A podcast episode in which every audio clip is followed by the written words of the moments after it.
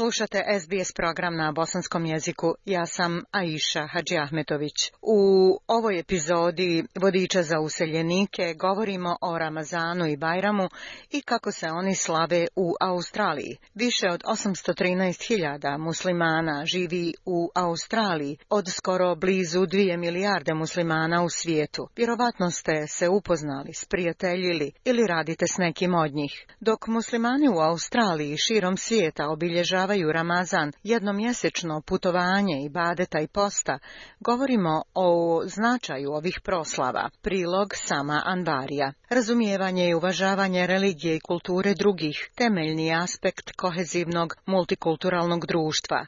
Dakle, da li ste se ikada zapitali šta Ramazan i Bajram znače u islamskoj kulturi? Ramazan je deveti mjesec islamskog lunarnog kalendara. Zdravi odrasli muslimani moraju postiti od zore do sumraka. Tokom ovog perioda vanredna profesorica Zulejha Keskin, predsjednica Centra za islamske studije i civilizaciju na Univerzitetu Charles Statt u Melbourneu objašnjava.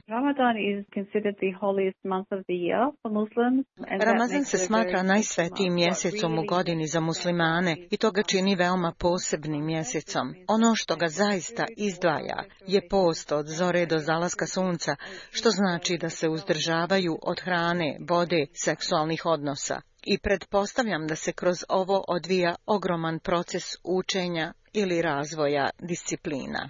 Islamski kalendar, poznati kao hidžetski kalendar, zasniva se na ciklusima kretanja mjeseca oko zemlje. Budući da je lunarna godina 10 do 12 dana kraća od solarne, datumi za islamske prilike variraju. Ove godine sveti mjesec Ramazan pada između 22. marta i 20. aprila. Post je jedan od pet stubova islama, koji su ispovjedanje vjere, molitva, sadaka, post i hadž direktorica Centra za arapske i islamske studije na Australskom nacionalnom univerzitetu, profesorica Kerima Lašir, kaže da Ramazan predstavlja mnogo više od pukog uzdržavanja od hrane ili pića.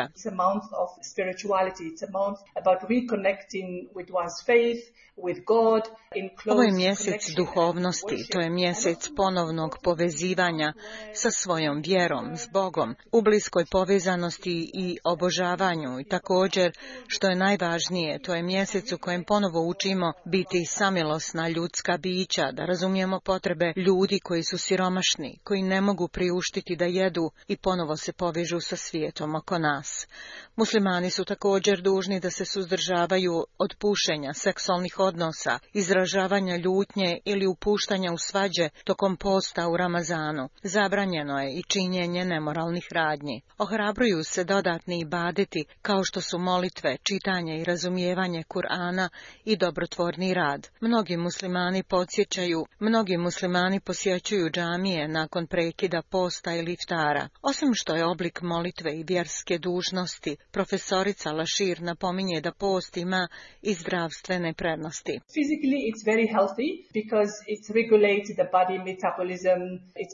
Fizički je vrlo zdrav jer reguliše metabolizam u tijelu, pročišćava tijelo od bilo kakve toksičnosti.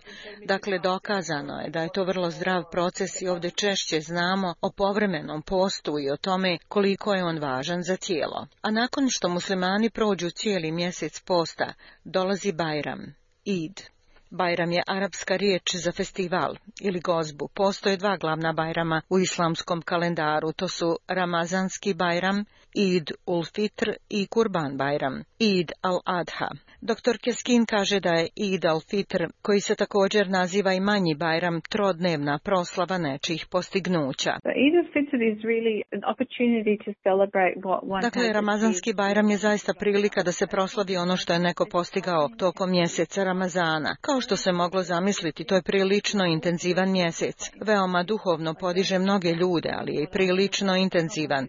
Bez hrane i vode i po cijeli dan nije uvijek lako. I tako, na neki način, ono ono što je Bajram, to je proslava nečijih dostignuća. To je kao da kažeš, da, ispunio sam ovaj cilj u životu, ispunio sam post, a sada ću proslabiti. Dok prihvataju Bajram, muslimani su također dužni davati dobročinstvo, poznato kao zakat al-fitr, kako bi siromašni mogli slaviti. Doktorica Keskin objašnjava. Važan dio Ramazana je sjećanje ili suosjećanje sa siromašnima, sa gladnima, u određenoj mjeri dok postimo, kao da hodamo u koži onih koji su bez hrane i pića. Znate, u zemljama na zapadu, kao što je i Australiji, Često ne znamo kako je to biti gladan. Kada postimo, iskusimo glad, osjetimo žeđ mislimo, o, pa tako to izgleda. Ovogodišnji Ramazanski Bajram pašće 21. ili 22. aprila, u zavisnosti od toga kada se vidi mjesec. Slavlje počinje posebnim namazima ujutro prvog dana, desetog mjeseca po islamskom kalendaru. U većini islamskih zemalja Ramazanski Bajram je državni praznik. Zajedničke molitve se održavaju u lokalnim džamijama i društvenim centrima, gdje ljudi pozdravljaju jedni druge sa Eid Mubarak, što znači Sretan Bajram. Kako kaže profesorica Lašir, to je proslava zajedništva i praštanja. Ona podomlađuje duh zajednice i ohrabruje muslimane da traže oprost. Ramazanski bajram je velika proslava. Muslimani se oblače izuzetno lijepo, djeca kupuju novu odjeću, dobijaju poklone i to je porodična kolektivna proslava kada svi posjećuju sve ostale i prepuštaju se tri dana proslavi Ramazanskog bajrama u banketima hrani i posebno posebnim kolačima i jelima koja se prave samo za taj mjesec. Kupovina nove odjeće, posebno za djecu, čišćenje domova, priprema posebnih slatkiša i posuđa veliki su dio priprema za Bajram. Profesorica Lašir kaže da se u Australiji ove proslave razlikuju. Muslimani u Australiji su veoma raznoliki. Dolaze iz različitih kulturnih sredina. Na primjer ima muslimana iz Južne Azije, iz arapskog svijeta, muslimana iz Afrike, muslimana iz Kine, iz različitih dijelova svijeta. Dakle, oni sa sobom donose određene tradicije koje su prenijeli od svojih predaka ovdje imaju posebnu vezu s tim. Ali Avan je australac pakistanskog porijekla koji je posebno zauzet tokom Ramazanskog bajrama svake godine. Organizuje jedan od najvećih multikulturalnih festivala u Australiji kaže da postoje ogromne kulturne razlike između muslimana različitog etničkog porijekla. Njegov posao kao predsjedavajućeg australskog multikulturalnog id festivala je da ih sve okupi na jednom mjestu. Uh, uh, Neki ljudi kuhaju uh, drugačiju hranu, imaju različite haljine koje nose na dan Bajrama, a onda kada je u pitanju proslava, to može biti u smislu nekih aktivnosti, nekih nastupa, nekog načina istraživanja. Radimo normalno u okviru Bajramskog festivala. Pokušavamo spojiti sve različite nastupe, različite kulture na jednom mjestu i to je ljepota Australije. Profesorica Lašir se slaže, rekavši da smatra da su proslave Bajrama u Australiji mnogo raznovrsnije nego u mnogim islamskim zemljama.